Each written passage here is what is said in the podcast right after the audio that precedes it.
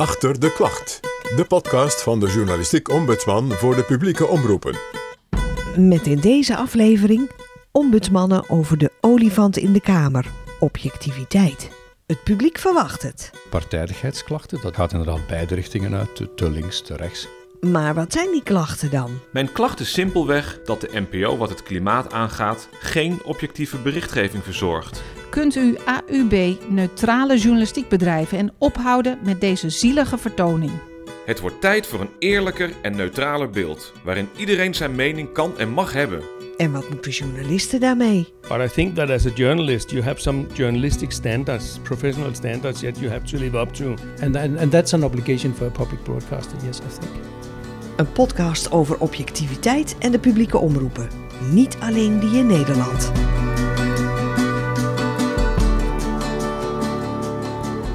Fijn dat je luistert naar Achter de Klacht. Ik ben Margot Smit. Ik ben nu drie jaar ombudsman voor de journalistieke producties van de publieke omroepen. En ik vind niet dat ik er ben om gewichtig allerlei trends in de journalistiek te gaan analyseren. Want een ombudsman blijft eigenlijk bij de feiten, bij de normen en bij de ethiek. Maar ik zit er wel lang genoeg om de vragen en de klachten over de journalistiek bij de publieke omroepen te zien veranderen. Ik krijg minder klachten over fouten in berichten. Misschien wel omdat die wat sneller gewoon bij de programma's of de omroepen zelf al verbeterd Of worden. een half minuut over negen. De kritiek van Jan Publiek. Ja, BOA's. Ik krijg wel veel meer vragen over waarom er wel of juist geen aandacht voor een onderwerp is. En dat vind ik vaak wel de moeilijkste vragen. Het antwoord is ook bijna altijd onbevredigend. Sorry, er gebeurde elders in de wereld of het land of de stad iets waardoor er geen tijd, geen mankracht of geen geld was. En dan aan u om door te halen wat u niet wenst. En dan is er nog dat andere hete hangijzer. Geachte heer, mevrouw. Langs deze weg wil ik een klacht indienen over de werkwijze van de NPO.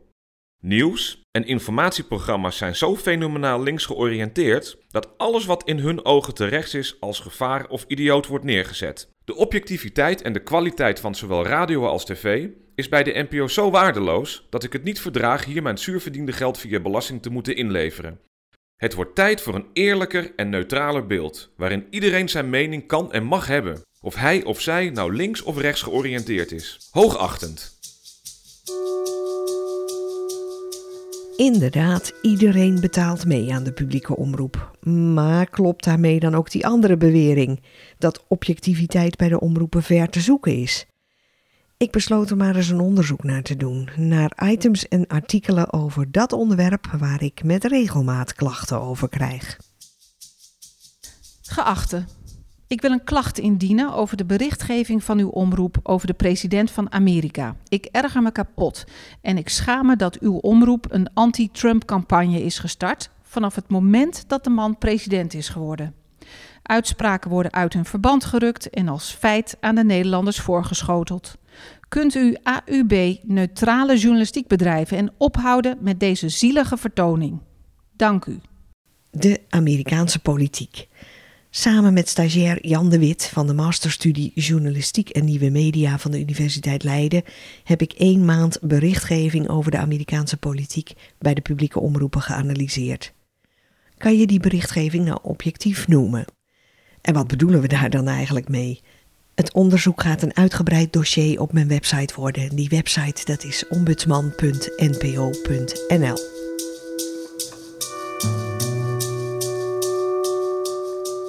Onpartijdigheid, onafhankelijkheid, objectiviteit, de termen worden nogal door elkaar heen gebruikt. Her en der wordt ook wel gezegd dat je het begrip objectiviteit maar beter kunt afschaffen.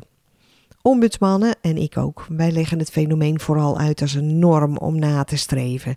En dan koppelen we het graag aan een manier van werken. Misschien kan de journalist niet altijd objectief zijn, want je neemt toch altijd jezelf mee bij het werk dat je doet. Maar je kunt de manier waarop je dat werk doet wel objectief maken. En dat betekent dan feitelijk zijn. De andere kant van een verhaal opzoeken, je bronnen melden, uitleggen wat je doet en hoe. Transparant zijn en controleerbaar. Weet je wat overigens wel bijzonder is? Ombudsmannen bij buitenlandse publieke omroepen krijgen bijna dezelfde klachten als ik hierover. Dit is bijvoorbeeld mijn collega bij de Deense publieke omroep DR, Jesper Termansen.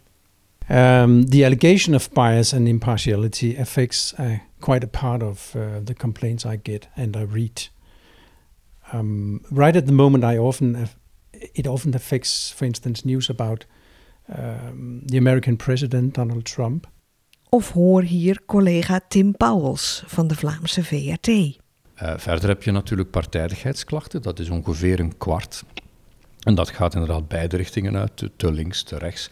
Soms heeft het ook te maken met dingen die helemaal niet politiek zijn. Te veel ten voordele van de boeren of de natuurliefhebbers of uh, uh, de, de zeilers of tegen de jagers. Dit is Lars Bennike van die andere Deense publieke omroep TV2. In recent years I have uh, received several complaints about uh, what some people call fake news that they think that there is a bias in in programs. And uh, I mean, it's uh, especially the term fake news is a relatively new uh, phenomenon, but people have always complained about uh, when they thought there was some kind of, of a bias in a program. Do you believe in impartiality in journalism? No, not really. Not as a journalist or, or not as a human being. I don't think that there's uh, there is a such thing as, as impartiality because everybody has an opinion on whatever it might be. But I think that as a journalist, you have some journalistic standards, professional standards that you have to live up to, which is that the facts should be correct and verified, and that you should always uh, try to put the opposite question so that you that you test their arguments and that you also show that there can be different opinions. Actually, we have to be honest about that as journalists. That we and be transparent about that. Transparent is that that we that we select stories, we uh, we angle them, we we frame them. Uh, so so I mean, of course, in even in the framing, there is some sort of, of bias. But but as uh, at the same time, as a journalist, you have to put the opposite sides questions in in order to obtain a sort of impartiality. Van publieke omroepen wordt altijd meer verwacht dan van kranten als het om journalistieke onpartijdigheid gaat. Dat lijkt overal in de wereld zo te zijn.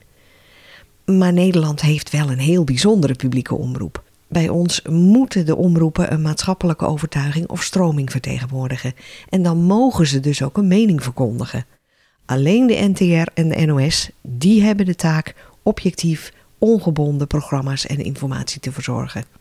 In Denemarken geldt die eis voor de hele publieke omroep, vertelt Jesper Termansen van DR. That's an obligation for a public broadcaster, yes, I think. It's actually written in, in the contract made uh, between um, my employer and, and, and uh, the Minister of Cultural Affairs that at least you have uh, you have an obligation to strive for objectivity, mm-hmm. and and you can do that in many ways. But you cannot just let anything go. You have to to every time you you touch upon the subject, you have to think about will how would that be considered? How would that be considered being a public broadcaster? Mm-hmm. Recently, I, I, I, read a book by um, written by a former long-time BBC employee. He was he's called Robin Aitken, and um, he was uh, uh, he was stressing upon that uh, being a part of BBC, and he had a very clever sentence where he said, "A reporter can be accurate and still deeply unfair, whether by selection or omission."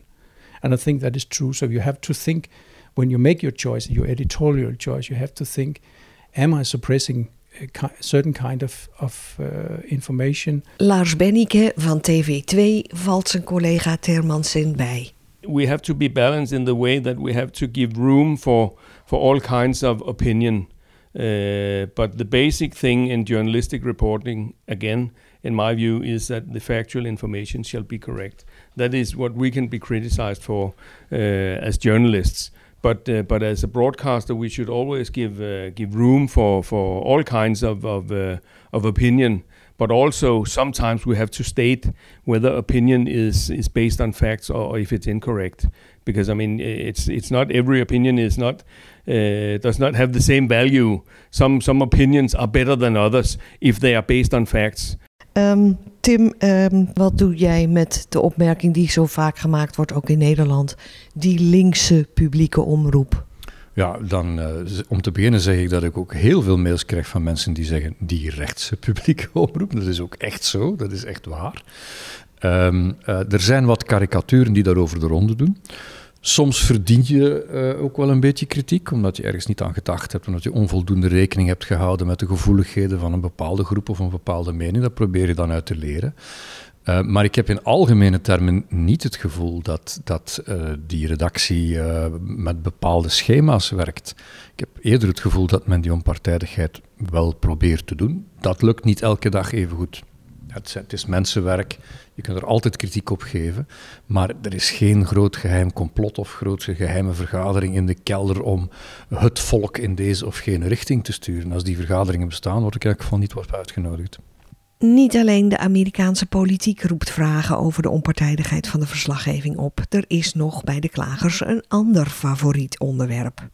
De reden dat ik u schrijf heeft te maken met de berichtgeving over het klimaat bij de omroepen. Nu ga ik niet gelijk van leer trekken met superlatieve over linkse invloed, pravda-achtig volgen van het regeringsbeleid, indoctrinatie van de beleving van het grote publiek enzovoorts. Mijn klacht is simpelweg dat de NPO wat het klimaat aangaat geen objectieve berichtgeving verzorgt. Helaas kan ik uw antwoord wel voorspellen. Er is 97% overeenstemming onder de wetenschappers en zo. Maar ik blijf hopen. Met echt heel vriendelijke groet. Klimaatverandering. Ik onderzocht in 2017 al een keer of de NOS, zoals toen een van de klagers schreef, overdreven en alarmistisch berichten over de rol van de mensen in de opwarming van de aarde. Uit mijn onderzoek bleek toen dat de items van de NOS onderbouwd werden door inderdaad 97% van de wetenschappers. Die beschouwen die rol van de mens als aantoonbaar. Mijn oordeel was toen dat als de voors en tegens echt niet in evenwicht zijn, omdat een van beide kanten zoveel beter onderbouwd wordt met feiten en bewijs dan de ander, dan hoeven journalisten ook niet krampachtig precies evenveel tijd en aandacht aan die beide kanten te geven. Dat heeft niks met rechts of links te maken. En objectiviteit is ook niet de een zegt dit en de ander zegt dat. En als ik dat allebei maar meld, dan is het wel goed. Ik heb die klacht dus ongegrond verklaard toen. Maar de klager bleef het wel met me oneens. En dat gebeurt wel meer, zegt Tim Pauwels van de VRT. Het is soms ook heel frustrerend. Um, omdat je natuurlijk een aantal mensen hebt die klagen en die je niet kunt tevreden stellen. Het gaat vaak om mensen die eigenlijk een soort erkenning willen voor hun standpunt, hun mening, hun groep. Terwijl, ja, dat is niet wat journalistiek moet doen. Journalistiek moet vooral zoveel mogelijk de feiten beschrijven, de werkelijkheid beschrijven, die kritisch duiden. Maar dat kan je natuurlijk nooit doen op een manier die, die iedereen goed vindt. Je probeert daar een beetje een redelijk midden in te houden. En naarmate de samenleving wat polariseert, heb je steeds meer mensen die zeggen van ja, maar mijn uitgesproken mening moet bevestigd worden door jullie. En anders vind ik niet dat ik uh, voor jullie belastingen moet betalen. Um, ja, daar ben ik het niet mee eens. Ik denk dat iedereen recht heeft op een, op een redelijke journalistiek, op een journalistiek die uh, probeert te zoeken naar ja, wat zijn hier nu eigenlijk de feiten, zonder dat ze te ver meegaat in gelijk welke stelling, links of rechts. Beste mevrouw Smit, bedankt voor uw reactie op mijn klacht. Misschien was het niet het antwoord waarop ik gehoopt had, maar wel degelijk helder en goed onderbouwd. Ik ga mee in uw beschrijving van hoe het er op redacties aan toe gaat. Maar wat me dan wel opvalt, is hoe de berichtgeving wordt weergegeven. Het lijkt hierbij dat niet alle beschrijvingen even zwaar worden gewogen of relevant worden gevonden. Voor een objectieve weergave van de nieuwsfeiten zit je bij de publieke omroep dan toch niet goed. Rest mij nog u het beste te wensen. Dank voor die beste wensen, Klager. Maar het zal u niet verbazen dat niet alleen ik, maar ook mijn collega's bij buitenlandse publieke omroepen er anders tegenaan kijken. Ik heb de indruk dat klagers vaak lijden aan het syndroom van de gele auto. Je, je, je zet je aan de kant van de weg en je gaat gele auto's stellen. En op het einde van de dag zeg je: Wat heb ik toch verdomme veel gele auto's gezien? Dat is werkelijk een gigantisch probleem. Nou, de rode auto's heb je niet geteld. Of de blauwe auto's heb je niet geteld. Het is geen wetenschappelijke methode. Uh, en als je die wetenschappelijke methode wel probeert toe te passen in de mate dat de nieuwsombudsman daar tijd voor heeft, dan, dan is het toch allemaal veel evenwichtiger dan je misschien gedacht had omdat het publiek om objectiviteit vraagt, moeten journalisten, of anders wel wij ombudsmannen, blijven uitleggen wat het begrip inhoudt. Het is een manier van werken waarbij feiten leidend zijn en transparant en controleerbaar verslag wordt gedaan. Juist omdat je als mens nooit 100% objectief kunt zijn. De methode is objectief, niet de journalist. En dat is dus niet hetzelfde als neutraliteit of hij zegt, zij zegt berichten. Want als u dat wilt, publiek, dan kunt u beter een stenograaf inhuren. Tot zover deze episode van Achter de Klacht, de podcast van de nieuwsombudsman van de publieke omroepen. Heb je vragen over het werk van de ombudsman? Mailen kan dan naar ombudsman.npo.nl. En daar mag je ook je klachten over de journalistiek naartoe mailen. En ga eens naar mijn website. Ook voor dat onderzoek naar die objectieve berichtgeving over de Amerikaanse politiek bij de Nederlandse publieke omroepen dat ik eerder je meldde in de podcast. Je vindt daarop ook verder columns, uitspraken en oordelen over klachten. Deze podcast maakte ik samen met Wilma de Weert en Jan de Wit. Stemmen zijn van Dennis de Jong, Anne Peetoom en Hans Hogendoorn. Vormgeving Martine Eelman, coaching Katinka Beer, technische ondersteuning Peter Riemslagbaas. En de muziek? Die blijft almaar van Boris McCutcheon en Calexico. Wil je een volgende aflevering weer luisteren? Dan vind je de Ombudsman podcast op je favoriete podcastplatform. En heb je wat te klagen, te vragen of te zeggen? Mail me dan ombudsman.npo.nl. Tot achter de volgende klacht.